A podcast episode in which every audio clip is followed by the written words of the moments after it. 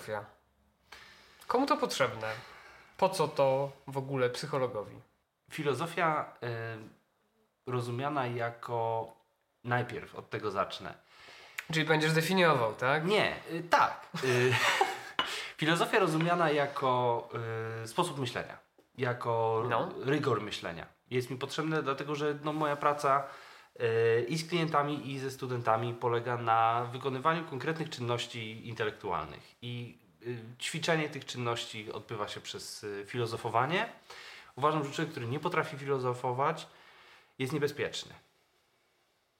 Hmm. Dobra, dwie rzeczy. Rygor i, y, i niebezpieczeństwo. Jeśli mówisz o rygorze, w filozofii jako myśleniu, jako sposobie myślenia, to co to jest za rygor? Czym to się różni od innych sposobów myślenia, psychologicznych sposobów myślenia? No, psychologiczny, psychologiczny sposób myślenia wynika z filozofii. Mhm. E, W związku z tym e, ograniczanie się w e, myśleniu psychologicznym tylko do myślenia psychologicznego i nie wykraczanie do tej sfery filozoficznej, gdzie na przykład zakładamy rzeczy, które są absurdalne. Albo zakładamy rzeczy, które wymagają tego, żeby zdefiniować rzeczy na nowo.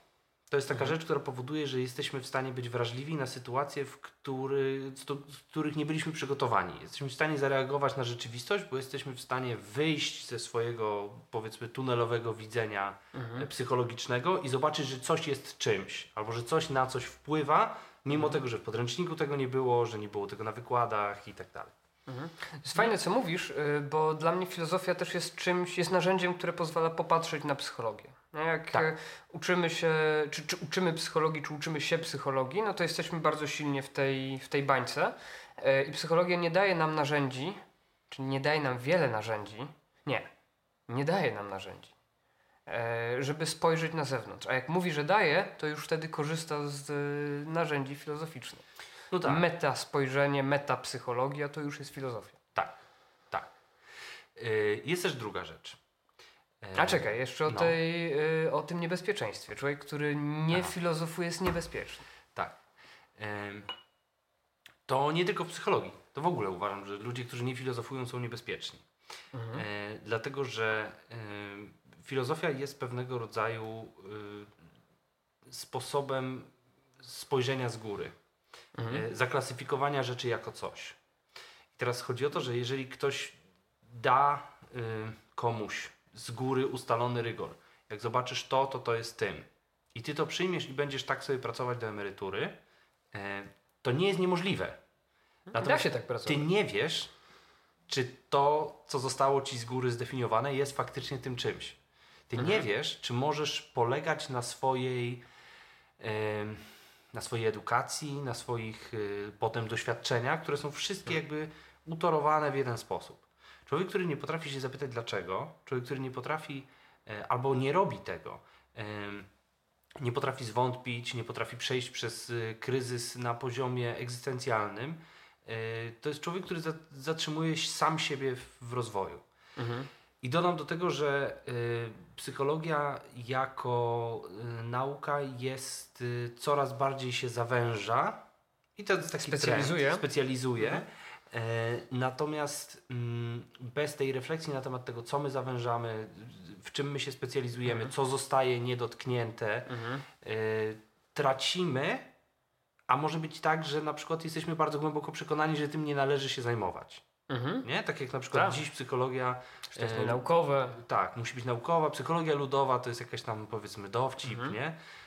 Z psychologią miłości tak było przez długi czas, Tak. która przez lata wykraczała poza zainteresowanie psychologów, bo nie dało się tego dotknąć. A Tak. filozofia ma ogromne osiągnięcia w kontekście agape. I w ogóle miłości y, przyjacielskiej, tak? E, więc tak, wydaje mi się, że człowiek, który siedzi y, w, w założeniach, które odziedziczył, działa trochę. Mm, łatwo go zmusić do zrobienia rzeczy, których on nie rozumie, że są złe. Psychologia totalitarna. Y, Psychologia totalitarna, ale też psychologia obozu koncentracyjnego. Nie? To tam byli ludzie, którzy przyjęli pewne założenia, w związku z tym zabijanie innych ludzi w sposób bestialski i czasem nawet bezmyślny yy, albo przemysłowy y, wynikał z odziedziczonych koncepcji antropologii i tak dalej. Mhm. Więc y, dlatego mówię, że to jest niebezpieczeństwo. To nie jest tak, że każdy człowiek niefilozofujący robi źle, ale jest niesamowite zagrożenie, że jak nie będzie filozofował, to będzie robił źle i nie będzie o tym wiedział. Mhm. Okej? Okej. Znaczy, wydaje mi się, że, y, że, że ciężko nie filozofować. Znowu, myślę sobie bardziej o, o, o samej psychologii i psychologach w zasadzie, Mhm. e, którzy systematycznie wchodzą na, na to poletko filozofii. Znaczy, oni tam, em, oni tam stawiają nogi, Mhm. oni tam zaglądają. Tylko nie robią tego, mam wrażenie, to jest jakaś teza, którą chciałbym postawić, nie robią tego w sposób świadomy, metodyczny, systematyczny. Mhm. Nie? To, Okej. To znaczy cała psychologia pozytywna, która nagle odkryła szczęście i sięga do szczęścia i gdzieś tam pojawia się jakiś Arystoteles, to jest jakaś, jakiś taki płomyczek, który się, yy, się pojawia i fajnie, bo tam sięga się do starożytnych na przykład filozofów, mm, ale często, często to jest takie bardzo po powierzchni. Mhm. Nie? I nie, nie, sięga się z tego, nie sięga się do tego, co już zostało odkryte, znalezione, przemyślane. Okej. Odkrywa się to koło na nowo. Okej. Ale Dobra. wydaje mi się, że ciężko jest być psychologiem nie wchodząc w te rejony. W te egzystencjalne rejony. To się czasem robi. Mhm. Tylko psychologia, moim zdaniem, sama w sobie nie daje e, narzędzi, żeby się tam poruszać. No tak. Yy, No dobra, a tobie ta filozofia jest po co? Yy, Panie yy, patentowany magistrze filozofii. Bo tyś poszedł jeszcze na studia, nie? Ja to sobie tam, wiesz, książeczki czytam, nie? Ale ty poszedłeś to studiować. No, bo mi tego bardzo brakowało. Czyli ja po, poszedłem z potrzeby, e, z potrzeby braku Mhm. e, i z potrzeby spojrzenia na psychologię w sposób metodyczny. Dla mnie y, fi, y, filozofia przydatna jest w takich dwóch obszarach. Po pierwsze, do tego, żeby spojrzeć na psychologię e, z góry, z meta poziomu, zastanowić się, dlaczego ona jest taka, co tam jest, czego nie ma, czym to jest uwarunkowane. Mm, A po drugie, e, użyć filozofii jako narzędzia psychologicznego, psychoterapeutycznego. To znaczy, ta refleksja filozoficzna, ona ma bardzo silnie egzystencjalne podłoże, przydające się do rozumienia człowieka, do rozmawiania z człowiekiem, do spotkania z człowiekiem i z samym sobą. Jak myślę sobie o, e, o Sokratesie i, i jego gnotis auton, tak, poznaj samego siebie. Mhm. E, to, to są takie dwa obszary. Myślę sobie o, że filozofia jest świetnym narzędziem, z którego psycholodzy, psychoterapeuci mogą czerpać. Mhm. I czerpią.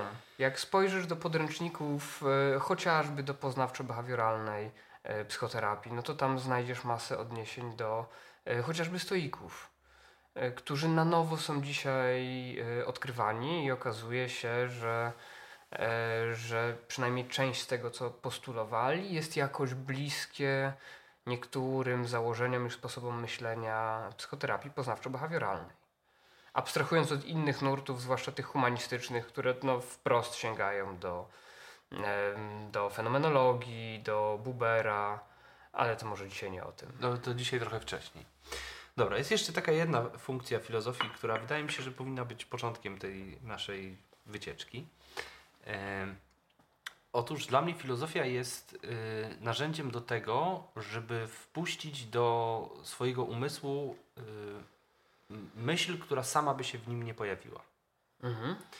Jesteśmy ograniczeni naszym doświadczeniem, jesteśmy ograniczeni, no nie wiem, wykształceniem, yy, interakcjami itd.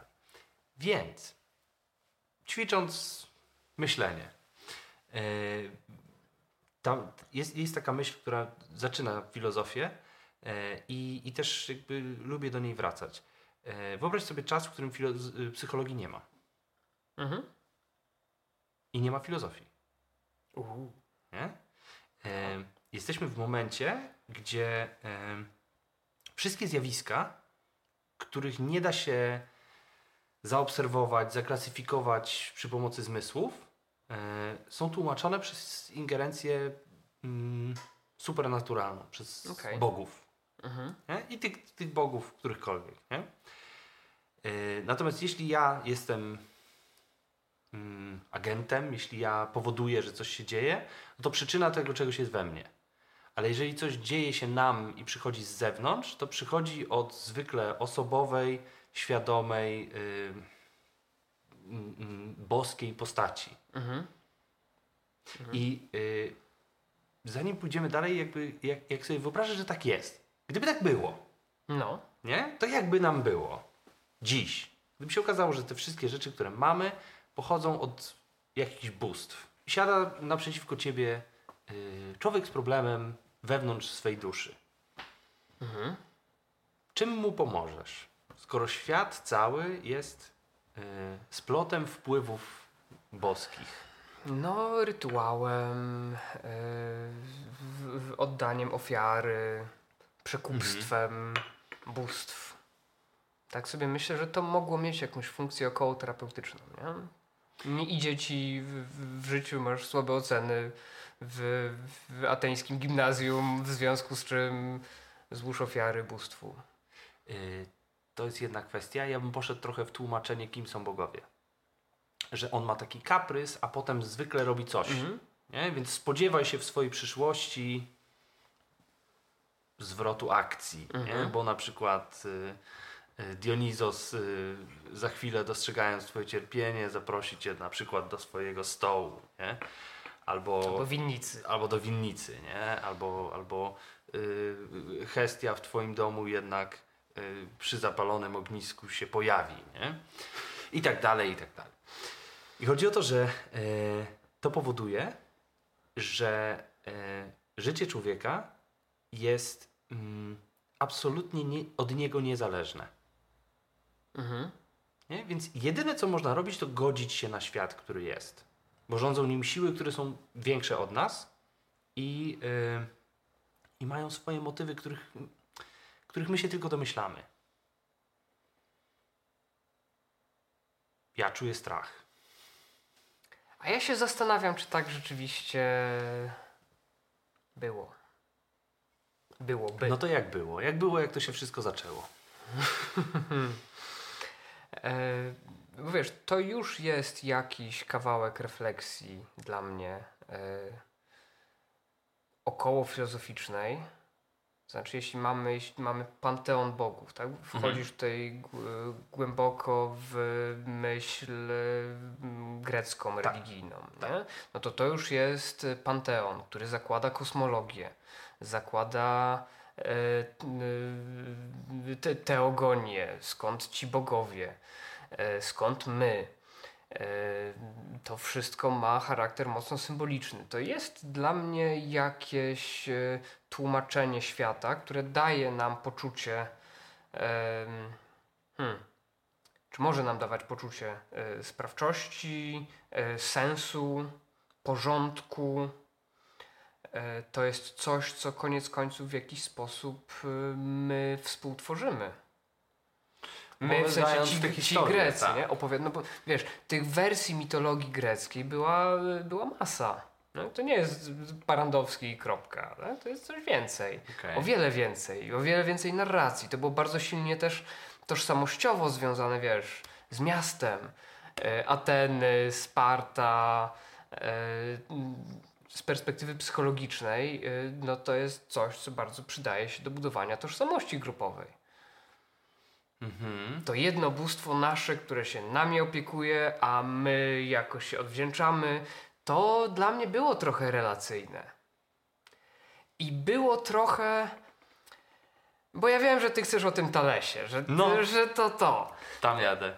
Ale ta woda Talesa, No. tak, to jak on to tłumaczy, to on się odnosi też do. ym, to, to nie jest tylko fizyczne tłumaczenie, że wszystko z wody i tylko ta obserwacja, że jak świat wysycha, to ginie, a jak jest mokry, to żyje. Ale to, y, to jest myśl o okeanosie, o Bogu. wody, który otacza wszystko. To jest myśl o granicach. To znaczy mamy, mamy ten greckie wyobrażenie świata, a dookoła jest woda, która robi granice między jednym a drugim. Potem ym, Anaksymander albo Anaksymenes. Jeden i drugi. No ale każdy inaczej. Okej, E, jeden z nich mówi o Apeironie. tak. I tutaj ta graniczność jest jeszcze bardziej wyraźna, większą kontynuacją myśli Thalesa.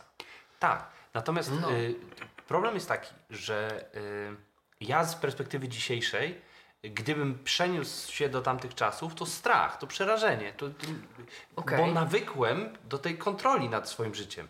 Ale dla Mhm. nich, jak y, Atena jest po naszej stronie, kto już przeciw nam? No. E, natomiast Ład i porządek. jedna z fajniejszych rzeczy, która się wydarzyła w filozofii greckiej, to to, że filozofia wtedy, kiedy się narodziła, absolutnie nie przeczyła religii. Mhm. Dla e, Greka, dla Greka ateńskiego, e, monoteizm i politeizm e, i filozofia szły ręka w rękę. Mhm. Bóg jest jeden, y, bogowie są y, olimpijscy i y, umysł ludzki y, i dla ludzkiego umysłu świat powstał.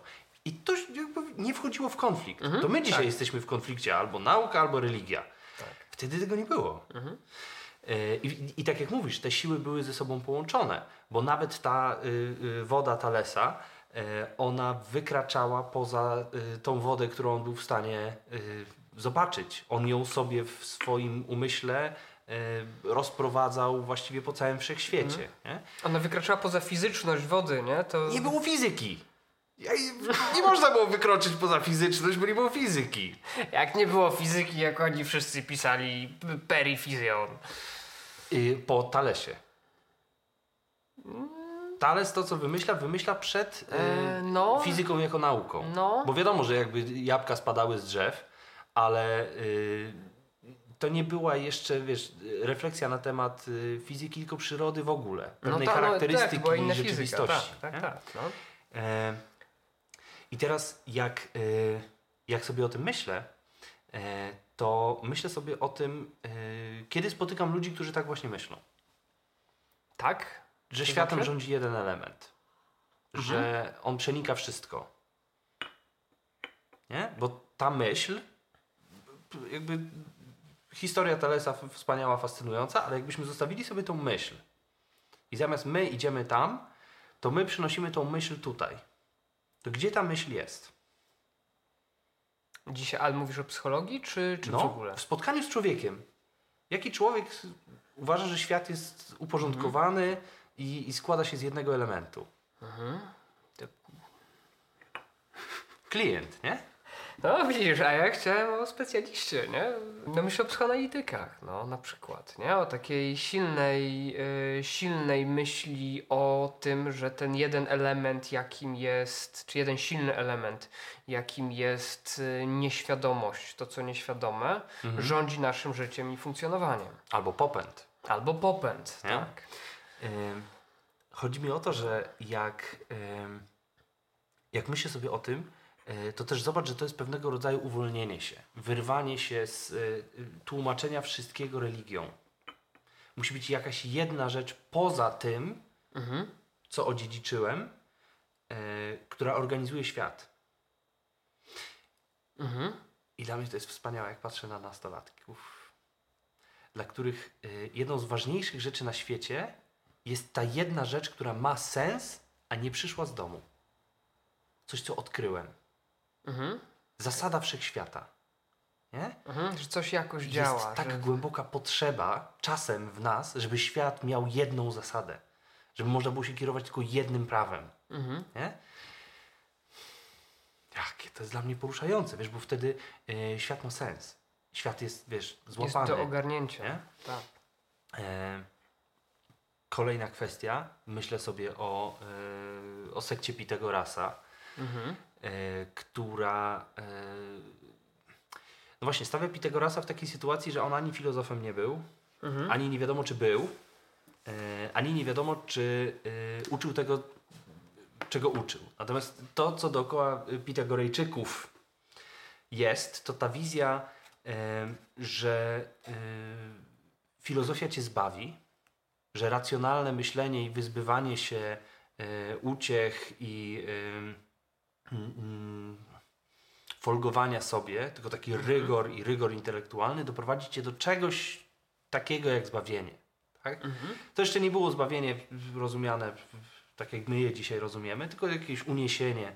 E, I myślę sobie o tym też, że w tych szkołach pitagorejskich nauczyciel przemawiał za zasłonę. Tak. Jest! Jakie to jest covidowe. Jakie to jest covidowe, ale jakie to jest y, ta myśl, żeby odłączyć wiedzę od nośnika wiedzy. Mhm. Nie? Myśmy to zrobili w internecie. Już nie wiadomo kto co powiedział, tylko wiadomo co jest powiedziane. Ale chodzi o to, że em, to powoduje, że to doświadczenie jest tak czyste, tak wyzute z wszelkiej y, y, interpretacji i można wtedy uwierzyć, że tak jest. Bo to nie, y, bo nie ma tego uczącego, on się nie może mylić. Nie? Bo on przekazuje wiedzę. Zobacz. E, w ogóle mi się to nie podoba, co mówisz. A E, mi się znaczy to mam- podoba, bo ja to widzę w nauczycielach. E, Okej, E, ja bym się nie do końca podpisał pod Okej. tym, co, co powiedziałeś, ale jest mi blisko do tego, że to jest jakiś alternatywny sposób myślenia, że oni, oni wymyślili, że można za zasłony, że można się ukryć i zostawić tą wiedzę obok. Ja nie wiem, na ile to jest obiektywne i rzeczywiście odłączające, ale, e, ale koncepcja, że można inaczej, e, jest dla mnie jakąś kwintesencją myślenia filozoficznego. Okej. Coś mi tu będziesz... y, No będę, bo, y, bo ten Pitagoras No. e, i jego sekta e, i sobie wynotowałem tutaj kilka rzeczy, y, które zainspirowały współczesnych Mhm. e, psychologów wprost. Między innymi, i tu jest taki fragment o, o y, Alkmenonie, który należał do, y, który był Pitagorejczykiem. Y, I tutaj taki fragment, że na podstawie przeprowadzanych przez niego mm, sekcji zwierząt dokonał ważnego odkrycia naukowego. Otóż istnieje połączenie e, mm, dokonał ważnego odkrycia naukowego istnienia połączeń nerwowych pomiędzy narządami zmysłowymi a, a określonymi miejscami w mózgu.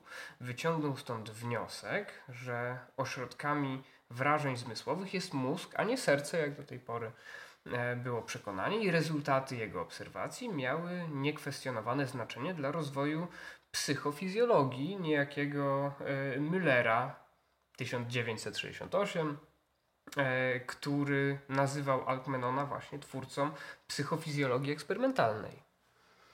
On sięgnął do tych starożytnych. Wtedy jeszcze psychologowie, mam wrażenie, trochę częściej sięgali do, e, do naprawdę sensownych e, i twórczych, kreatywnych myśli, które potem jakoś zostały e, zakopane. Ty mówisz twórca psychofizjologii. Natomiast y, to jest to, co my jakby tytuł nadany pośmiertnie. No tak, tak. On tego nie szukał. Tak? On to znalazł. Nie?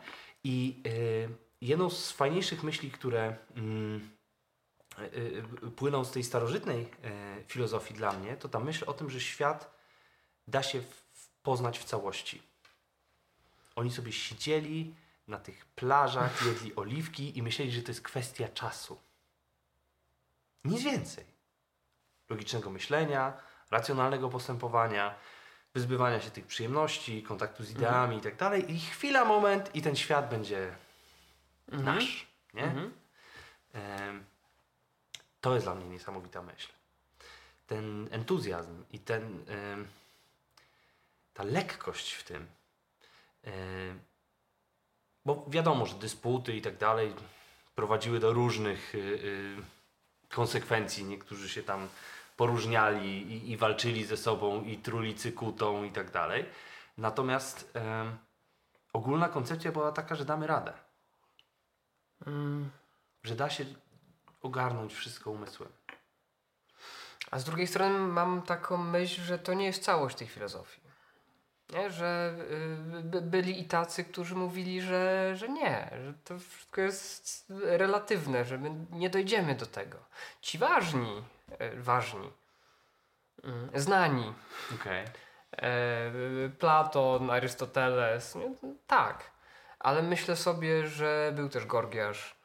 E, myślę sobie o e, Heraklicie i Mhm. o takich, którzy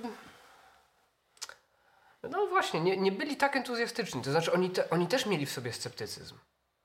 To nie jest tak, że myśmy, e, że oni byli na przykład tak e, entuzjastycznie naiwni w tym, że my tak wszystko jesteśmy w stanie ogarnąć. Oni mieli bardzo dużo takich myśli o pewnych, dzisiaj byśmy to nazwali może nieświadomych impulsach albo poza mm, racjonalnością. E, o tym, że empiria, a nie tylko rozum też jest istotny. I o tym, że ta filozofia to nie jest tylko e, ogarnianie wszechświata, ale to także jest y, terapia. To także są ćwiczenia duchowe. To Tak. jest poznawanie samego siebie. Bo filozof to ten, który umie mądrze żyć. Przede wszystkim Tego byśmy oczekiwali po Sokratesie. Nie? Yy, myślę sobie po też, stoikach, po epikurejczykach. Oni wszyscy... Po pitagorejczykach tak samo. Tak, szkoła życia. Tak? No. Bo to nie było tylko, y, nie wiem, zajęcie na popołudnie, jak wrócisz tam z roboty, to sobie Mhm. pofilozofuj, tylko to była droga życia. Nie? Która nie tylko była o myśleniu. Która Tak? potrafiła y, spowodować y, upadek Aten, y, nieomalże spowodowany przez relatywizujących wszystko sofistów. Którzy mówili młodym ludziom, jak chcesz się zaangażować, to się zaangażuj, jak tego nie czujesz, to w ogóle nie jest twoja sprawa, nie? I tutaj w ruchu No. brama oni mówią, no nie, sofiści powiedzieli, że w ogóle nie muszę się tutaj jakoś specjalnie angażować, nie? Dobre jest to, co jest dla mnie dobre, a nie to, co jest dobre ogólnie. Jakie, jakie ogólnie w ogóle, Mhm. co, co ty mówisz, nie? To po pierwsze, a po drugie, a też sobie sięgnę. Yy, nie chcę mówić, że jakby bardzo coachingowa koncepcja w ogóle. To relatywizowanie wszystkiego i stawianie siebie w środku jako tego, który ym, jest w stanie rozsądzić, co jest dla mnie dobre i to wystarczy.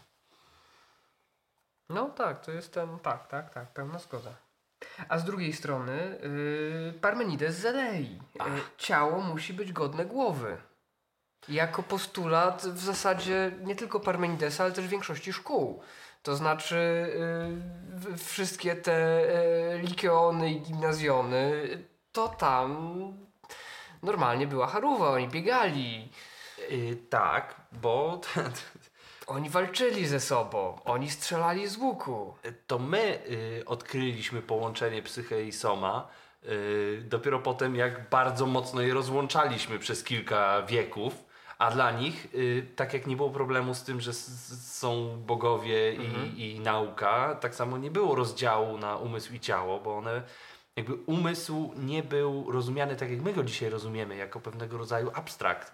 On miał fizyczne swoje miejsce w tym ciele. Tak, Nie? on za coś odpowiadał. Dokładnie. Więc jakby y, y, trzeba było dbać o człowieka rozumianego jako to wszystko ogarnięte workiem ze skóry, a nie tylko jakiś tam wytwór centralnego układu nerwowego. Nie?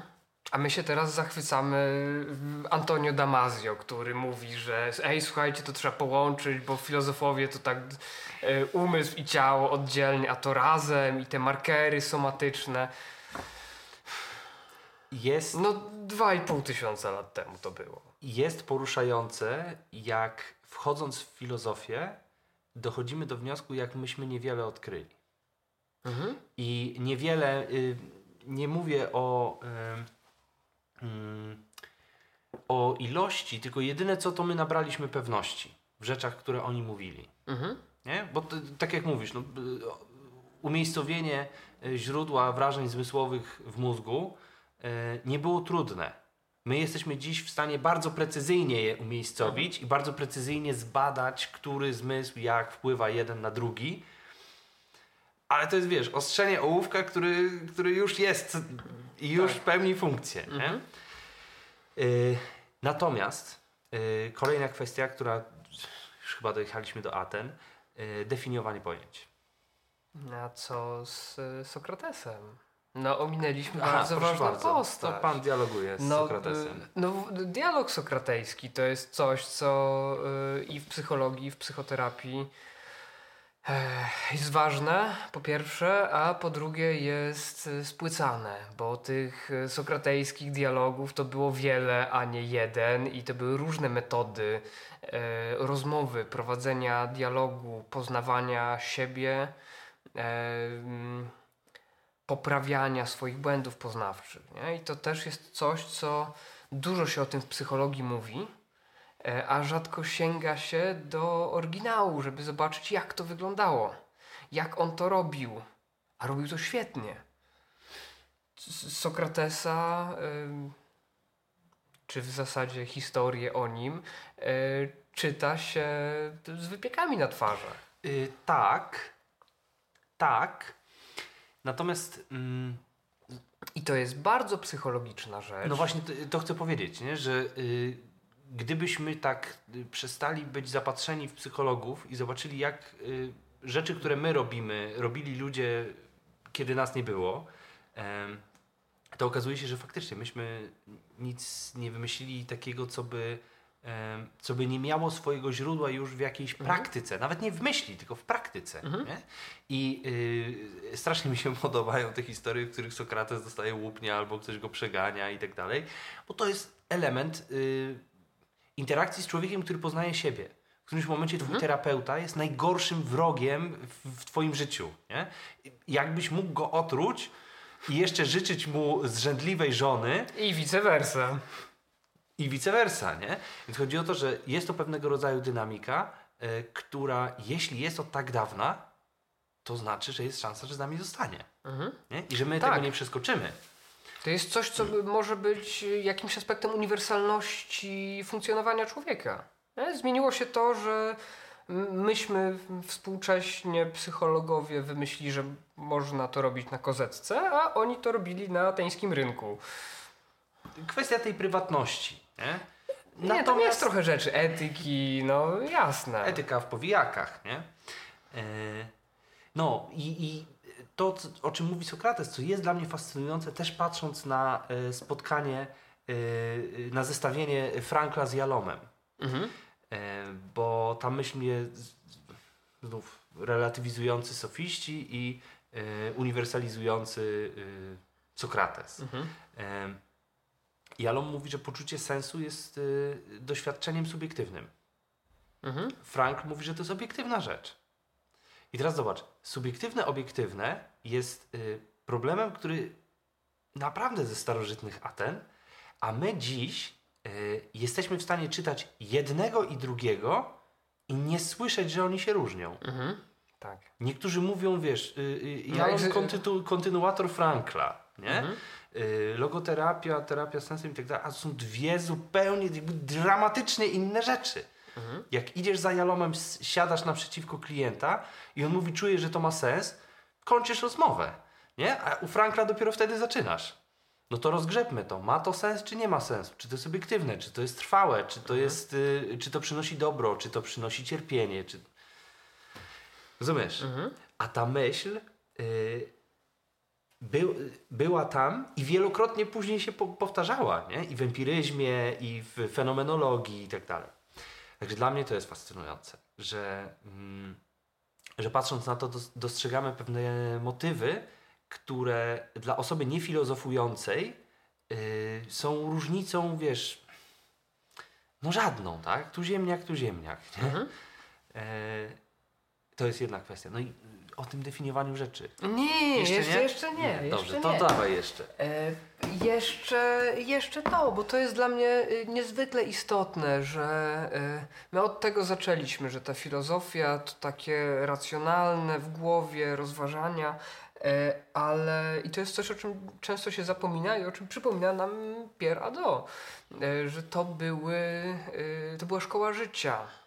To była szkoła lepszego życia uczenia się, jak lepiej, sprawniej, e, zdrowiej radzić sobie z rzeczywistością. E, to były ćwiczenia, które powinniśmy wykonywać codziennie, jak najczęściej, żeby się doskonalić, żeby wchodzić w lepsze relacje z ludźmi. I to jest e, moim zdaniem coś, co bardzo zbliża psychologię z filozofią. Mhm. E, o czym można zapomnieć, jak studiuje się psychologię i ma się kurs wprowadzenie do filozofii, czy filozofia z logiką, czy coś innego, co w zasadzie jest historią myśli filozoficznej i to jest taka wykładnia problemów. Mhm. Okej, okay, to też jest ważne, ale sięganie do starożytnych i w ogóle do filozofów po to, żeby zastanowić się, jak lepiej żyć, co robić, żeby lepiej żyć, i myślenie o filozofii jako o czymś e, skrajnie praktycznym. Mhm. Skrajnie praktycznym. Okay. Jest dla mnie czymś niezwykle ważnym. No dobrze. Y, ja po moich y, doświadczeniach tego tygodnia chciałbym też y, podkreślić, że to była metoda, jak dobrze żyć, kierowana do wolnych mężczyzn. Tak. Do obywateli. Mhm. Nie? Filozofia przez, w tym swoim początku jakby nie traktowała o kobietach. Bardzo wiele rzeczy, które dla nas są dziś oczywiste i, na, i, ich brak nas gryzie, mhm. tam w ogóle nie były problemy. Na przykład dla filozofów nie było węchu. Bo to był ten zmysł, którym się nie interesujemy. Mhm. Wzrok i słuch. Tym poznajemy świat. Węch y, mami. Tak? O, y, y, dotyk obrzydliwy. Nie wolno dotykać. Mhm. Piękno, do, do, piękna doznajemy, y, doświadczamy patrząc i słuchając. To unosi naszą duszę. Mhm. To było dla mnie niesamowite, wiesz. I, i, i zobacz, jaką rolę dziś w psychologii poznawczej pełni psychologia węchu i pamięci węchowej. Mhm. Nie ma czegoś takiego. W sensie jest, oczywiście, jest. Wspaniała książka, polecam i tak dalej. Natomiast y, nie jest to y, tak intensywnie badany nurt, jak na przykład percepcja wzrokowa. Dzisiaj, tak? Dzisiaj. Mhm. No, ile książek przeczytałeś o zmyśle węchu? Ja w ogóle się tym nie interesuję, więc... Y, Zostało ci, tak, chłopie, tak, ze tak, starożytności, tak. nie? Aha. Bo Arystoteles powiedział, że nie, nie. No tak, no bo ten, y, ten Arystoteles, o którym wspomniałeś, to jest y, chyba najczęściej pojawiający się i czasem jedyny filozof w podręcznikach do psychologii. Tak. Nie? Tam zawsze jest ta wzmianka, tak, tak, że tak. gdzieś tam na początku był ten Arystoteles, który napisał Peri Psyche, no i potem wielka dziura na plus minus 2000 lat i przychodzi Wilhelm Wundt. tak. E, natomiast... Mm, Szkoda, bo ty coś chciałeś. O... Ja chciałem o tych definicjach. No to dawaj. Bo chodzi o to, że y, nazywanie rzeczy, definiowanie ich w sposób, który pozwoliłby dostrzec ich kategorię i ich y, wyróżnik mhm. y, i definiowanie rzeczy zgodnie z taką myślą, że rzecz ma swoje pochodzenie, że jest materia i forma. I e, forma jedna, a wieloma materiami można je wypełnić. Człowiek z jednej formy powstał każdy, a każdy inny. Mhm. I ta myśl, że jest jedna forma, mhm. że jest jedno, jeden początek, a my jesteśmy różnymi wariantami czegoś bardzo podobnego. To jest dla mnie niesamowite. Bo to jest jeszcze ten czas, gdzie w ogóle nie było problemu z tym, że rzeczy mają swoją naturę. Że rzeczy. Yy... Nie było problemu, to znaczy to było oczywiste. Tak, bo dzisiaj nie ma natury. Mhm. Dzisiaj jest. Rzeczy są takie, jakimi się jawią. Mhm. Albo sami je wypełniamy jakąś. Tak, a jak powiesz, że ktoś jest jakiś z natury, mhm to gorzej jakbyś powiedział, że ktoś jest normalny. Nie? E, a chodzi o to, że wtedy spojrzenie na naturę pozwalało nam dostrzec rzeczy, które są wspólne. Rzeczy, które nas łączą ze sobą. Mhm. Rzeczy, y, którymi możemy się posługiwać, na przykład w tych ćwiczeniach y, duchowych, filozoficznych, ale też y, fizycznych. Mamy pewne wspólne elementy. Mhm. Kształcimy te wspólne elementy. Nie? Jak to ujednolica, wiesz, taką, y, tą, tą, tą przestrzeń tych doświadczeń. Jak mhm. łatwo jest o tym mówić, bo to jest uporządkowane. Nie? Tak jak mówiłeś o, e, o tym, że mit czy religia, e, czy mit religijny daje nam pewnego rodzaju przestrzeń. Tak? To jest skąd powstał kosmos, skąd powstaliśmy my, jakie są nasze cele, jakie są relacje między tymi wszystkimi rzeczami, nie? I te pytania zostały, tylko zmienił się sposób odpowiadania na nie. Odpowiadamy na nie nauką, ale problemy dała nam religia. Dała nam refleksja, którą religijnie tłumaczyliśmy. Nie? To jest tak jak widzisz, że e, Arystoteles zamknął nas na pewne zmysły. Mhm. I to jest tak oczywiste, że my do dziś z tego nie weszliśmy. Nie? Dialog między y, obiektywny i subiektywny jest z nami do dziś. Nie? Pytania, skąd powstał wszechświat, y, to są pytania, na które odpowiadamy do dziś. I teraz chodzi o to, że Na większość pytań filozoficznych odpowiadamy do dziś. To jest dla i mnie będziemy odpowiadać sensem. do zawsze. Nie? Tak, to jest ta uniwersalność myśli filozoficznej, że te pytania są do stawiania w każdej epoce przez każdego człowieka na nowo. Tak. I teraz y, problem, problem. Y, chodzi o to, że te pytania, które przetrwały te tysiące lat, to są te pytania, które są warte zadawania i warte refleksji, i warte tego ćwiczenia duchowego, żeby szukać różnych odpowiedzi na to samo pytanie.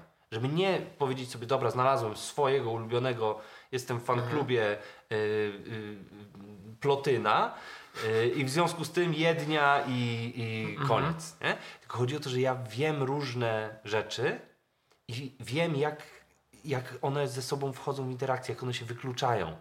I wtedy przychodzi do ciebie y, człowiek, i to jest dla mnie niesamowite, w tym dialogu takim, y, w diagnozie, w wywiadzie i tak dalej, y, słucham często tego, w jaki sposób jest skonstruowana filozofia życia tego człowieka. I na przykład widzę, że tam są głosy z różnych systemów filozoficznych. Mhm. Tak, to nam pomaga w pracy z takim Ale ja wiem, że to się nie utrzyma, bo one się wykluczają. Mhm. Bo nie można na przykład założyć jednocześnie, e, że y, postępujemy zgodnie, y, y, poszukujemy idei i posługujemy się racjonalnym myśleniem. Bo myślenie w kategoriach idei wymaga wy, wyjścia poza racjonalne i doświadczenia, i furii, i tak dalej. Nie? A z drugiej strony doświadczenie racjonalne powie nam, że to wszystko trzeba opisać i określić i w ogóle się nie, nie unosić nad tym. Nie? I chodzi o to, że bardzo często wewnątrz jednego człowieka są koncepcje, które się w, są w konflikcie ze sobą, a ten człowiek nie ma tego meta spojrzenia i nie widzi tego, że to go gryzie w środku. Nie? To, co y, pięknie y, opisywał y, mm, Kazimierz Dąbrowski. Y, kryzys osobowości to wtedy, kiedy zabrniesz w, y, w ślepy zaułek własnej osobowości. Nie? Chodzi o to, że tam jest jak- jakaś droga. Nie? To, to jest w ogóle myśl, że osobowość jest drogą. Ale wtedy u nich to wszystko było. To było pisane, zobacz, y, dzieła y, filozofów analizuje się y, literacko jako dzieła, y, które y, mają wartość estetyczną. Nie? Jak się weźmie dzisiejszego filozofa, To ciężko. to ciężko, to nie jest Ciężko. estetyczne, to jest precyzyjne, ale czytać się tego nie da, nie? A, a tam z pogranicza poezji. Nie?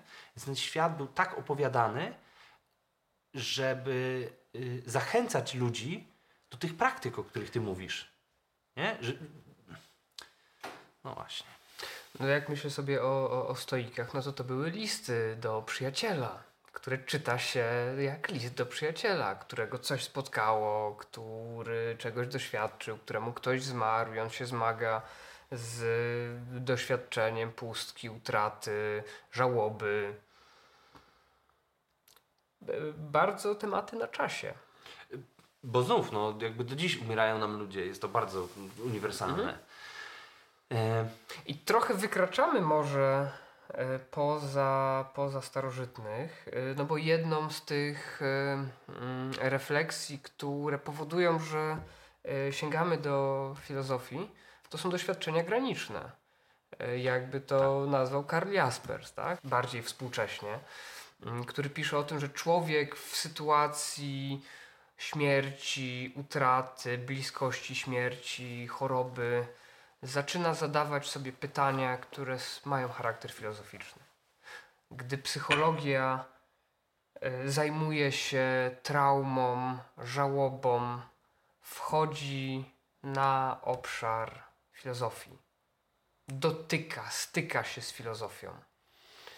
Zadaje pytania, może nie sama psychologia, e, co e, psycholog w kontakcie z klientem, pacjentem, psychoterapeuta e, zaczyna wraz z pacjentem, klientem filozofować, rozważać, medytować nad śmiercią, nad utratą, nad sensem życia, wreszcie franklowsko. Mhm. I to jest y, na pograniczu jednego i drugiego. I żeby robić to w sposób pewny, kompetentny, żeby też się samemu z tym czuć jako, y, jako specjalista, ale żeby móc też mm, coś zaproponować, podążyć za jakąś myślą, y, trzeba otrzeć się trochę bardziej o tą filozofię.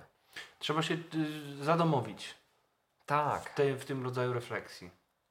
Mhm. Są takie szkoły, czy psychologiczne, czy psychoterapeutyczne, które będą to robić bardziej. mhm. Mm, będą się w to zagłębiać, będą odnosić się do tych czy starożytnych, czy nowożytnych, ale filozofów. No, a są takie, które gdzieś będą czuć się w tym niekomfortowo, będą tego unikać.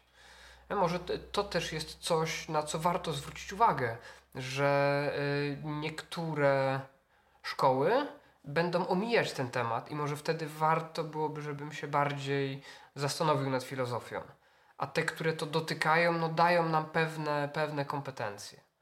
Bo my się spotkamy właśnie e, z Sokratesem, ze stoikami, e, z Martinem Buberem, z Gabrielem Marcelem, z Heideggerem i tak dalej. Okej. Natomiast y, to jest taka sytuacja, w której y, psycholog spotyka się z człowiekiem i y, jego obycie z myśleniem daje mu pewność.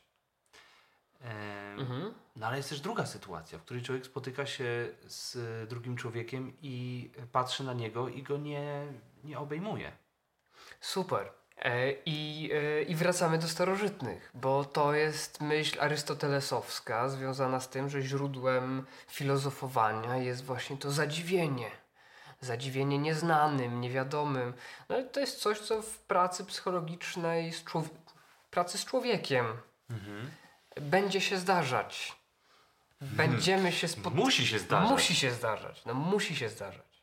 Chociaż pewnie będą takie nurty, które będą gdzieś dalej od tego. Bo zobacz, to jest, yy, to jest też to niebezpieczeństwo, o którym yy, mówiłem na początku. Yy, jeżeli nie będzie zadziwienia, to będzie ICD. I koniec. Mhm. I klasyfikacja chorób i zaburzeń. I albo jesteś zaburzony, albo, albo idź do domu. Nie? No, bo, no bo po co mi niezaburzony klient? Nie? Myślę sobie też, że to zadziwienie to jest to, co mm, chro, chroni. Boże. E, ale powoduje, że trwamy w zawodzie. Mhm. E, Dla mnie to doświadczenie, że każdy człowiek, który przychodzi, przychodzi z osobowością, inteligencją, płcią i tymi wszystkimi rzeczami, które już kiedyś w życiu widziałem, ale ma je zrobione zupełnie inaczej niż wszyscy. Nie? Mhm. Ma te myśli, te emocje i to są te same emocje i te same myśli. Patrzysz na to, to jest zupełnie coś nowego. Mhm. Nie? To, jak przeróżnie można formę człowiek wypełnić i, i, i dla mnie jest fascynujące. Natomiast y, nie jest to defini- y, nie jest to refleksja, y, którą da się skończyć. Nie? Bo to zadziwienie, to nie jest tak, że filozof się y, krok pierwszy, zadziwić, krok drugi, y, refleksja racjonalna, krok Mhm. trzeci, wniosek, y, krok czwarty, publikacja. Nie. I to jest coś, co moim zdaniem daje, czy może dać, jakieś czerpanie z refleksji około religijnej. Mhm. Znaczy takie założenie o tajemnicy. O tym, że nie uda się nam zrozumieć w całości, uchwycić wszystkiego, że jest jakiś obszar, e, który, który będzie niewiadomą, będzie zagadką. Nawet nie, nie, nie zagadką, będzie tajemnicą. Będzie To tajemnicą. nie będzie do rozwiązania. Tak. To będzie do pozostawienia w takim. W takim cieniu, w ukryciu, w niewyjaśnieniu. I teraz zobacz, bo to, to mnie fascynuje. E, te klasyfikacje chorób i zaburzeń, doświadczenia, e, wiedza, badania naukowe. Spotykasz się z człowiekiem, patrzysz i nie wiesz. Mhm. I ta cała koncepcja, ta naiwna, optymistyczna koncepcja, z którą większość osób kończy studia psychologiczne, że wiesz, Mhm. ona się sypie i ty czujesz ten ból takiej, ta, takiej nagle odkrytej niekompetencji. Mhm. Tu jest sterta podręczników wielkości nic w tego nich nie człowieka, ma. a tu jest ten człowiek i... i I, one z- nic ze sobą nie gadają. I chodzi o to, że to jest dla mnie niesamowite, że potem, po tych starożytnych, pojawiła się ta myśl o tym, że świat możesz poznać, owszem, ćwicząc umysł, ciało to tam jest raczej niepotrzebne do tego wszystkiego, ale umysł, no i musisz dostać łaskę. Mhm. Sam świata nie zrozumiesz. Czyli jesteśmy już w średniowieczu. Jesteśmy w średniowieczu. Witam. To jest moja ulubiona część yy, filozofii. Yy, je- jestem bardzo w kontrze do tego myślenia o ciemnych wiekach. Mhm. Wydaje mi się, że większość yy, tych rzeczy, które dziś stosujemy w praktyce, nie tylko, że się nimi zachwycamy, bo, bo, bo- bo Adeńczycy o tym mówili, tylko rzeczy, o których mówimy w praktyce, indywidualizm i tak dalej, zaczęły się tam. Mhm. E, więc średniowiecze jest dla mnie niesamowicie głębokim i bogatym okresem e, i absolutnie nie, nie zgadzam się, że to są wieki ciemne. Na przykład ta myśl No. o tym, że musi być natchnienie. Mhm. I teraz zobacz. Bóg, tak? Bo tam jesteśmy mocno w tej, w tej chrześcijańskiej historii. E, Bóg obdarza cię łaską zrozumienia czegoś. I teraz jak ja tak patrzę na te moje doświadczenia, to nie chodzi o to, że to jest dowód na istnienie Boga, tylko to jest dowód na, is- na, yy, na to, że siedzisz wieczorem i mówisz sobie, no przecież. Nie? I skąd to jest? Bo przecież nie z racjonalnego ćwiczenia, no bo to robimy do, Mhm. cały czas, tak? Metodycznie, wątpimy, klasyfikacja chorób i zaburzeń, własne doświadczenia itd., itd. A czasem przyjdzie do ciebie. Mhm. Co znów, tak jak mówię, to nie jest dowód na istnienie Boga, ale to jest dowód na istnienie e, czegoś więcej niż tylko zestaw narzędzi, który masz. Mhm. Taka otwartość na to, że przyjdzie myśl spoza kontekstu, że przyjdzie myśl y, doprowadzona, wiesz, no, już do karykatury, jak doktor House wpada na pomysły, Mhm. jak kogoś wyleczyć, nie? bo mu się coś tam w głowie i on nagle się, wiesz, psz, wyłącza się z tej sytuacji i idzie ratować ludzkie życie, bo mu się w głowie ułożyło. Ale chodzi o to, że to tam jest. jest A jednak to jest też opuszczaniu kontroli, nie? Bo to Tak. nie, nie wszystko jest w mojej mocy, możliwości właśnie y, systematycznego ułożenia. Czasem coś Tak, przyjdzie. musisz się otworzyć. Musisz być wyćwiczony. To nie jest tak, że leżysz do góry brzuchem i po prostu spłynie na ciebie, Mhm.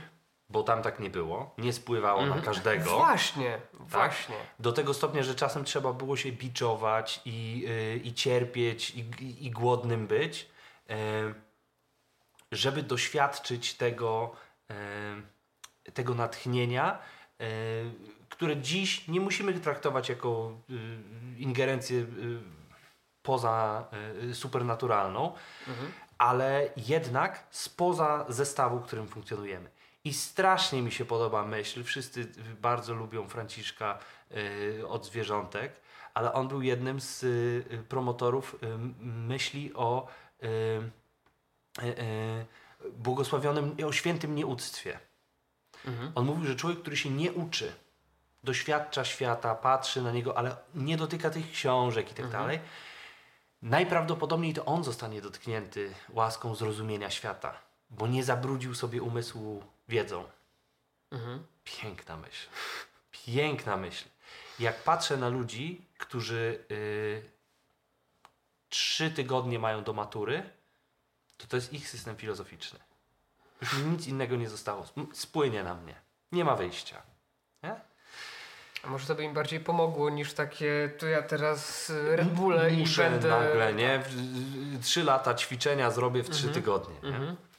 E, to jest jedna rzecz. A druga rzecz, e, filozofia średniowieczna przynosi stworzenie z niczego. Mhm. I co to, co to ci zmienia? Mi to zmienia wszystko, No. bo pojawia się kategoria nicości. e, w systemie e, ateńskim, starożytnym, wszystko ma przyczynę i wszystko ma skutek. Rzeczy są pewnego rodzaju logicznym ciągiem i e, jeśli on jest i nie ma w nim przerw, Mhm. to znaczy, że jak go nie umiesz odczytać, to nie umiesz kropka. A jeśli jest nic, jeśli jest pustka, to jest i przypadek. Nie? Więc e, to, to w ogóle, wiesz, klasyfikuje to, że można myśleć o niczym. Mhm. Nie? W sensie mieć myśl, która jest pusta.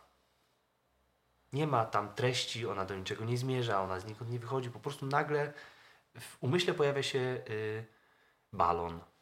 On jest pusty w środku. E, ta myśl o zerze nie? E, powoduje, że można założyć, że coś nie miało początku. Że było zawsze. A można założyć, że coś, coś powstało mimo tego, że nie było jakiegoś takiego nasionka, nie było takiego, wiesz, że to koniecznie musiało się wydarzyć. Mówiąc konkretnie, musiał zachorować na depresję, bo miał to, to i to. Nie? A czasem nie ma absolutnie żadnych warunków, żeby ktoś zachorował. I zachoruje. I odwrotnie, nie? Nie? Całe środowisko sprzyjałoby temu, a jednak, jednak się trzyma. Przełamujemy ten łańcuch konieczności następstw. Mhm. Nie? Y, życia ludzkie nie są koniecznością następstw. Jest boski plan, ale on jest nieznany. Nie? Trochę już pożyliśmy na świecie, okazuje się, że Jezus nie przyjdzie w przyszłym tygodniu, więc y, trzeba się tu jakoś okopać. Nie? Przeformułować sposób myślenia, Tak. zastanowić się, jak można żyć inaczej. Dokładnie. E, no, to jest dla mnie w średniowieczu super istotne i e, tak się kręciliśmy dookoła tego definiowania. Jak, e, to jest ćwiczenie, które zadaję studentom. Jak wyleczymy ostatniego pacjenta z depresji, Mhm. to co się stanie z depresją? Mhm. Wszyscy są zdrowi. Nie ma, nikt nie jest chory. To jest depresja, czy nie ma? Mm. Czy ta Czyli depresja? dochodzisz do spo, do sporu uniwersalia. mojego Fajnie. ulubionego. Y, czy depresja jest dźwiękiem mowy? Czy depresja to tylko słowo? Czy depresja jest y, konstruktem intelektualnym? Czyli występuje w naszym umyśle, ale nie ma jej, y, nie ma jej w, poza naszymi umysłami. Jak Nie? istnieje depresja? Jak istnieje depresja? Kolejna kwestia. Czy oni strasznie to lubią? Mhm. Czy jak ktoś ma depresję, to ma fragment jednej wielkiej depresji, czy każdy ma swoją osobną wersję depresji? I w końcu, czy istnieje wyspa zaburzeń psychicznych, gdzie w drewnianej skrzyni jest pierwsza depresja, wzór wszystkich następnych? To jest tak ekscytująca myśl, jak przestaniemy mówić o róży i zaczniemy mówić o rzeczach, które naprawdę w naszym zawodzie istnieją. Nie? To pytanie, już wstawiłeś pewną tezę. y, naprawdę w naszym na zawodzie pytanie. istnieją, w sensie y, może istnieją na, tylko w naszych rozmowach. Mhm. Jakoś istnieją. Jakoś istnieją, istnieją. tak? I pytanie o to, jak istnieje depresja, jest jednym z fajniejszych Mhm. pytań na temat y, zdrowia psychicznego, Mhm. nie? które też może też jest tylko dź- dźwiękiem mowy i Mhm. nie występuje w przyrodzie. Tak jak sprawiedliwość, która jest konstruktem teoretycznym, ale nie ma sprawiedliwych kamieni, sprawiedliwych drzew, sprawiedliwych małp. To by trwało za długo, gdybym jakkolwiek się do tego odniósł. Cieszę się, że Nawet nie próbuję. ten instynkt. Natomiast zobacz, chodzi o to, że te, te myśli powodują, że możesz klasyfikować rzeczy. Że możesz Mhm. powiedzieć komuś na przykład, że ta depresja, która dla niego staje się centrum istnienia, może być omyślana w inny sposób. Mhm. Może być omyślana jako e, doświadczenie łączące osoby. Tak? Kolejna kwestia, czy depresja może istnieć poza osobą? Mhm. Nie? Czy doświadczenie depresji nie No jest już wyspie, nie? Nobilitujące, bo tylko w osobie może się pojawić depresja? Mnóstwo takich myśli, które powodują, że y, ta przestrzeń w układzie poznawczym się rozpycha. Mhm. Nie jest tak, że ktoś ma chorobę, i jest chory i trzeba go leczyć.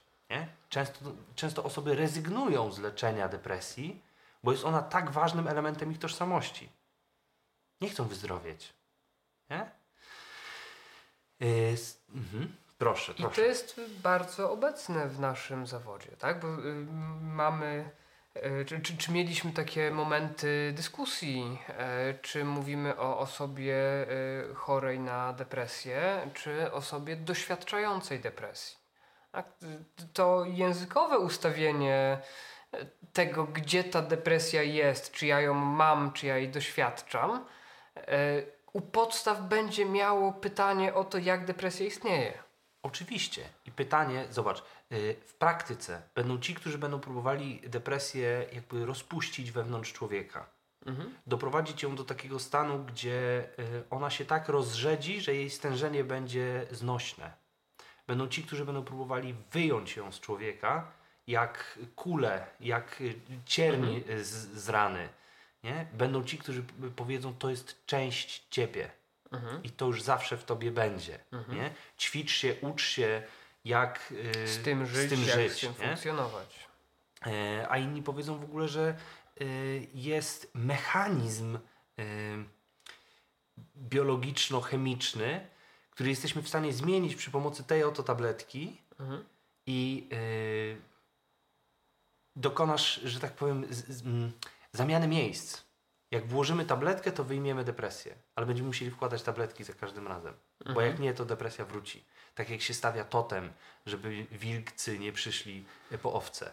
Nie? Wiadomo, że jest to zupełnie inna kwestia i, i nauka stoi za farmakologią, a nie ma nauki o totemach i tak dalej, ale dla człowieka, który nie rozumie ani tego, ani tego, różnica jest malutka. Uwielbiam spór o uniwersalia. Uwielbiam y, myśl o tym, jak coś jest. Mhm. I dochodzę do, y, do takiej refleksji, która może nawet trochę wy, wy, wykracza poza psychologię. O! No, ale y, wyobraź sobie, że y, rozwiązanie sporu o uniwersalia y, my poszliśmy w tą stronę, że jednak są to konstrukty umysłowe. Mhm. Że te uniwersalia, takie jak sprawiedliwość, dobro, y, piękno i tak dalej, są em, konstruktami intelektualnymi. Ale jak mówię my, to tam jest kilka ośrodków, które tego nie zrobiły. Mhm. I jednym z tych ośrodków był Uniwersytet Jagielloński, gdzie do końca średniowiecza mm, uniwersalia miały desygnat. Było, było dobro i ono miało swoje miejsce. Ono miało swoje miejsce y, trochę po platońsku rozumiane w świecie idei, e, natomiast ono było. I druga rzecz, To ja No. do pierwszej, jak mówiłeś o, e, o tym, że my doszliśmy do tego, że y, to jest konstrukcja, to myślałem, że y, idziesz w kierunku nas, psychologów. nie, nie, Ale to My, też jest fajna myśl, bo, bo, bo myśmy trochę w naszej dziedzinie też podjęli jakieś, jakieś rozwiązania. A e, w ramach filozofii spór o uniwersalia jest cały czas e, klasyfikowany jako spór. W sensie, jak wiesz, Nie to jest tak stanowiska. nazywane w Tak. podręcznikach, jak sobie weźmiesz, tak, chociażby jak rozumieć filozofię średniowieczną, to tu masz opisane to jako spór tak. i spory, które. ym, spory w filozofii są dla mnie czymś absolutnie urzekającym. Tam będziemy mieli argumenty za jednym i za drugim i będziemy mieli szansę y, je poznać, a nie dostać wykładnie, że jest tak. Tak. E, wracam do tej e, polskiej e, wizji o tym, że, e, że uniwersalia mają desygnaty, istnieją w, Mhm. rzeczy- w świecie rzeczywistym. E, jest to taka koncepcja, która stawia rodaków bardzo konkretnym ustawieniu do e, psychologii. Bo w psychologii posługujemy się konstruktami intelektualnymi bez desygnatów w, w przyrodzie. E, to powoduje duży konflikt, bo e, jak popytasz ludzi, czy istnieje dobro, albo czy prawda jest jedna, to tu nad Wisłą tak. Ale już nad Loarą, Sekwaną nie. Mhm. Mhm. I to jest rzecz, która w nas kwitnie 800 lat. I jest jeszcze jedna kultura, która tak założyła, i to są kultury muzułmańskie. Wszystko to, co się wydarzyło na Bliskim Wschodzie, na Dalszym Wschodzie i tak dalej, oni zakładają, że jest dobro, jest prawda, jest yy, piękno. Umieszczają je, tak samo jak my, w Bogu. Nie? W, tej, w tej przestrzeni Mhm. absolutu. Yy, Jest taka myśl, że to dlatego w Polsce nie ma ataków terrorystycznych. I ta myśl mnie tak jakoś. Ona jest niesprawdzalna. Ona jest absolutnie niesprawdzalna, Mhm. nie? ale to powoduje pewnego rodzaju łączność. Nie? My uważamy, że istnieją e, Byty ogólne. byty ogólne. Nie? E, I im bardziej idziemy na wschód, tym, tym to przekonanie jest głębsze. Tak? To się gdzieś tutaj u nas, na tym Uniwersytecie Jagiellońskim, ta fala się załamała. Mhm. Dla mnie fascynujące, bo zobacz, jak pracujesz z człowiekiem, który zakłada, że jest prawda, to znaczy, że jest dobra droga. Nie? Mhm. E, jeśli jest dobra droga, to bardzo wiele rzeczy można usprawiedliwić. Nie? Bo to jest prawda, bo tak jest powiedziane. Ale to też daje nadzieję na zmianę. Nie. Może Nie, dawać. tak. Frank by tak Frank by tak powiedział. Moim zdaniem, y, że jest, y, jest ten sens życia, którego my nie konstruujemy, Okej. tylko okej, on jest i, i my możemy do niego dojść. Nie? My Okej. możemy go znaleźć. Okej, ale chodzi o to, żeby nie iść w, w takie myślenie naiwne, że jest X na mapie. Mhm. Nie? I tam pod kamieniem czeka sens życia. Nie? Pewnie. To jest dużo bardziej Pewnie. skomplikowane. Jasne. Natomiast myślenie w taki sposób bardzo y, konkretny i fizyczny doprowadziło do tego, że można było palić kobiety na stosach. Nie? Okej, okej, ale y, trochę nie mam na to zgody, że to jest takie zero, y, zero-jedynkowe, bo ten sposób myślenia też coś daje. On absolutnie coś daje i chyba po to gadamy dzisiaj o filozofii, żeby pokazać, że różne sposoby myślenia dają różne rzeczy. No, tak? mam nadzieję, ale to ich by trzeba było się spytać. Nikt nie będzie z nimi rozmawiał. Y, nie Pyt... Oni w ogóle są? Myślisz, że oni są? Eee, myślę, że oni istnieją i. e, Ale tu ich nie ma. Ale tu ich nie ma. Nie?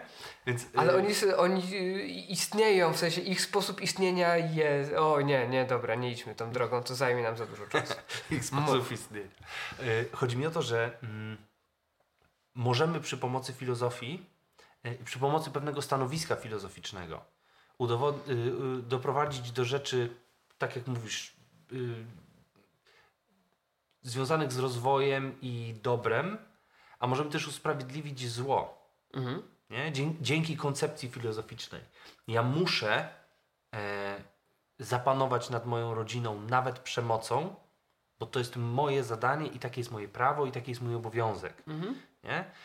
I to nie jest we mnie, tylko to jest poza mną, jest. to jest obiektywne, Tak ja jest. muszę. Tak. Nie? Mhm. Ale jeżeli ja uznaję, że to jest moja decyzja, no to to uniwersalne się już rozpuszcza. Mhm. I to y, może powodować dokładnie ten sam skutek swoją drogą, bo Tak. jeśli nie ma nic takiego w, poza mną, no to to, ja mogę, ja mogę sobie wszystko, to może nie idźmy z... Okej, filozoficznie, tak? No, co też może pójść w tym kierunku, nie? Może, nie musi. I y, doszliśmy tak do XI wieku. Tak. Plus minus. E, I, I myślę sobie, że no nie udało nam się objąć i pewnie nie uda nam się objąć całej filozofii, ale A nie zrobiliśmy... planowaliśmy. Nie planowaliśmy. To było takie via antica, tak? Ta, ta droga, droga klasyczna e, ze starożytnością i średniowieczem. Jestem bardzo ciekaw, mm, no właśnie, jakbyś to podsumował? Mm. Jak to, ta, ta część e, filozofii, starożytna i średniowieczna, e, może się dzisiaj przydać psychologowi? Myślę, że spotkanie z takim zjawiskiem, które w filozofii właściwie skończyło się na świętym Tomaszu. czyli budowanie kompletnych systemów tłumaczących całość rzeczywistości. E, to pewnego rodzaju ambicja, która była z nami od zawsze i on, przez to, że my to, że my przestaliśmy to robić, wcale nie znaczy, że tej ambicji w nas nie ma. Mhm. Że my chcielibyśmy zrozumieć wszystko. Że my chcielibyśmy e, objąć wszystko umysłem. E, to jedna myśl. Druga jest taka, że możemy mieć różne e, założenia co do tego, na ile świat jest poznawalny. Możemy Hmm. entuzjastycznie podchodzić do tego, że on jest poznawalny, wystarczy tylko czas i racjonalne, logiczne myślenie. E, może być tak, że założymy, że świat jest poznawalny, ale nie zrobimy tego sami. Coś nam się musi objawić. Musi się pojawić jeszcze jeden element układanki, który jest na zewnątrz nas. Mhm. I y, boska ingerencja to jest jedna kwestia, ale na przykład przypadkowe odkrycie w laboratorium, tak? Które, y, którego nie szukaliśmy, a jednak zaobserwowaliśmy coś, czego się nie spodziewaliśmy i to pchnęło naukę. Wtedy nazwalibyśmy to przypadkiem. E, I myślę sobie, że refleksja nad tym, jak coś jest, poza tym, jakie jest, tylko jak jest, Mhm. e, daje nam mm, możliwość jednego z najbardziej fundamentalnych przeformułowań w myśleniu. Jak umiesz myśleć o tym, jak coś jest, to jesteś w stanie się na to uodpornić, albo zbliżyć się do tego, e, albo mm, uczynić to jakimś elementem swojego życia. Jeśli rzeczy, gdyby rzeczy mogły być w naszych umysłach tylko takie, jak nam zostały opisane, e, to nie bylibyśmy zdolni do zmiany. Mhm. I, swoi, I swojego życia, ale też y, na poziomie społecznym. Mhm. Wydaje mi się, że to są takie, mm, takie rzeczy, które dla mnie z, z filozofii, tych, tej części filozofii, o której mówimy, są, em, chyba najważniejsze. No? Mhm. Okej. E,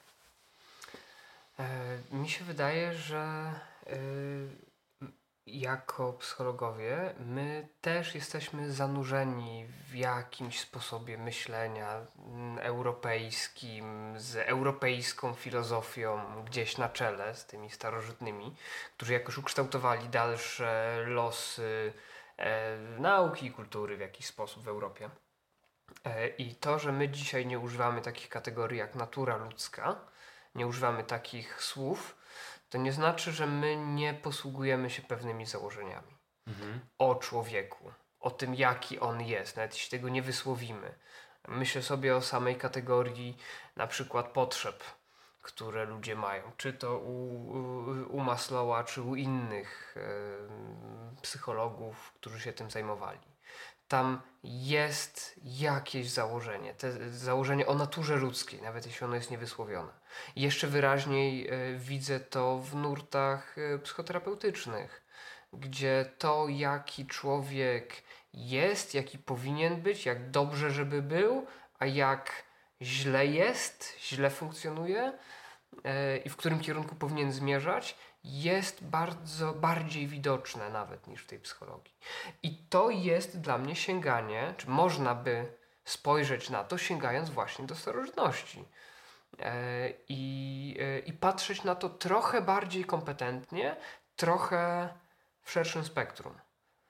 Myślę sobie o tym, że współczesna psychologia, która próbuje wyjaśnić fenomen miłości, robi to w jakimś ułamku tego, co y, robili starożytni i średniowieczni. Abstrahując od, od filozofii współczesnej, tak? bo skupiliśmy się na, mm, na tym okresie. E, I gdyby e, z jakiegoś niezrozumiałego dla mnie powodu psychologowie zaczęliby sięgać do tych tekstów, mogliby, mogłoby to spowodować e, wybuch całej masy badań na temat miłości, która rzeczywiście szerzej Mhm. otoczyłaby człowieka. Mhm. Myślę o tym. Ja wychodzę z tej rozmowy z, y, z tym, jak to powiedziałeś, a nawet nie tyle z tym, co powiedziałeś. Bo ja y, traktowałem filozofię jako ćwiczenie y, i jako zmierzanie do, mm, do pewnego rodzaju doskonałości. E, natomiast to, jak o tym dzisiaj powiedziałeś, po- stawiałoby nas, psychologów, w roli następców. Mhm. E, Zatem e, po co psychologowi filozofia? To jest trochę takiej, takie pytanie zagubionego syna, który zapomniał swoje nazwisko i skąd wyszedł. Nie? No, no nie po co. No, no jakby jej nie było, to by ciebie nie było. Mhm. Nie? Więc Mhm. y, wydaje mi się, że to jest, y, to, to mocno mi siada. No. I to jest bardzo autorefleksyjne. Jeśli ja y, nie tylko chcę zrozumieć e, psychologię, ale chcę ch- ch- chcę uchwycić jaką ta psychologia jest. Nie ze środka, ale z zewnątrz, żeby spojrzeć z pewnej perspektywy. E, To nie da się tego zrobić inaczej niż sięgając do refleksji historycznej i filozoficznej. E, jeśli chcemy lepiej zrozumieć nas samych jako psychologów, to musimy sięgnąć do, e, do filozofii. Jeśli uważamy, że psychologia jest w jakimś kryzysie, to nie wyjdziemy z kryzysu, będąc w tej bańce Okej. musimy spojrzeć jakoś z zewnątrz. Być może nie z całkowicie szerokiej perspektywy filozoficznej, ale z jakichś aspektów obszarów filozoficznych, epistemologii, ontologii, etyki, e, cała, e, cała koncepcja myślenia o, e, o osobie w psychologii, a nie o podmiocie badań. Jest naprawdę ogromna. I to, że przestaliśmy razić ludzi prądem i zamykać w więzieniach, jest, czy ma u swoich podstaw refleksję etyczno-filozoficzną. Mhm. Jest sięgnięciem do y, chociażby Boecjusza i jego koncepcji tego, czym jest osoba i czym wyróżnia się osoba spośród innych bytów. Więc dla mnie psychologowie filozofują, wchodzą często na ten obszar, ale jeśli, e, jeśli chcą siebie samych lepiej zrozumieć, e, to, to sięgnięcie świadome do filozofii może być bardzo uzdrawiające, udrażniające e, i dające pewne narzędzia. Takie jak sposób myślenia, mówiłeś o filozofii jako o sposobie myślenia, ale także w kontekście pewnych konkretnych ćwiczeń, które tutaj Piera do bardzo szeroko y, będzie opisywał. No i też z tej perspektywy metodologicznej, metody i psychologii, która będzie częścią rzeczy się zajmować, a część będzie e, unikać, opuszczać, odwracać wzrok. No i to jest uwikłane w jej historię, e, w okres, w którym się pojawiła, w dominujące myślenie filozoficzne w momencie, gdy psychologia em, osiągała największe sukcesy. Mhm. E, Myślę To sobie, moje. Tak, myślę sobie jeszcze jedna rzecz chyba istotna, że im bardziej się specjalizujemy, e, wytwarzamy sobie swój język, y, Mhm. problemy badawcze i tak dalej, tym bardziej dążymy do osamotnienia. Do sytuacji, w której tylko my jesteśmy w stanie siebie zrozumieć. E, powstaje coś takiego, Mhm. co można by nazwać psychologia dla psychologów. E, O, właśnie. Nie? Że, że nikt inny nie ma do tego dostępu. I chodzi o to, że jeśli ty chcesz się z kimś spotkać, to musisz mm, umieć mu powiedzieć, czym jest to, co robisz. A to nie jest refleksja psychologiczna, tylko filozoficzna. Filozofia jest językiem do tego, żebyśmy mogli rozmawiać z fizykami, żebyśmy mogli rozmawiać z medykami, Z samymi z sobą. samymi sobą. Czym jest to, co robisz. Mhm. To mi się wydaje istotne. No ja na uczelni mam masę znajomych, którzy coś robią i otrzymują tytuły naukowe i publikują i ja nie wiem co to jest. To jest tak odległe od tego, czym Tak. ja się zajmuję, że... A z drugiej strony y, ja z, y, po prostu z gniewem czytam y, y, neuronaukowców zwykle, ale też psychologów, y, którzy czynią tak daleko idące wnioski filozoficzne y, na podstawie żadnych przesłanek. Nie? Y, rozprawimy się z drugą częścią filozofii potem, ja bym chciał, żeby było widoczne, że do naszych rozmów spośród różnych książek wybraliśmy Tak. tę. W związku z tym mm, ona będzie w, w opisie i wydaje mi się, że Chyba na miniaturce też, tak chyba sobie na myślę. miniaturce może też będzie. Wydaje Mhm. mi się, że e, jeśli ktoś ma przeczytać jedną, to moim zdaniem tą. Richard Tarnas, Dzieje umysłowości zachodniej. No. Tak. Dobra. Dziękuję bardzo. Dzięki. To było owocne. To było owocne, nie?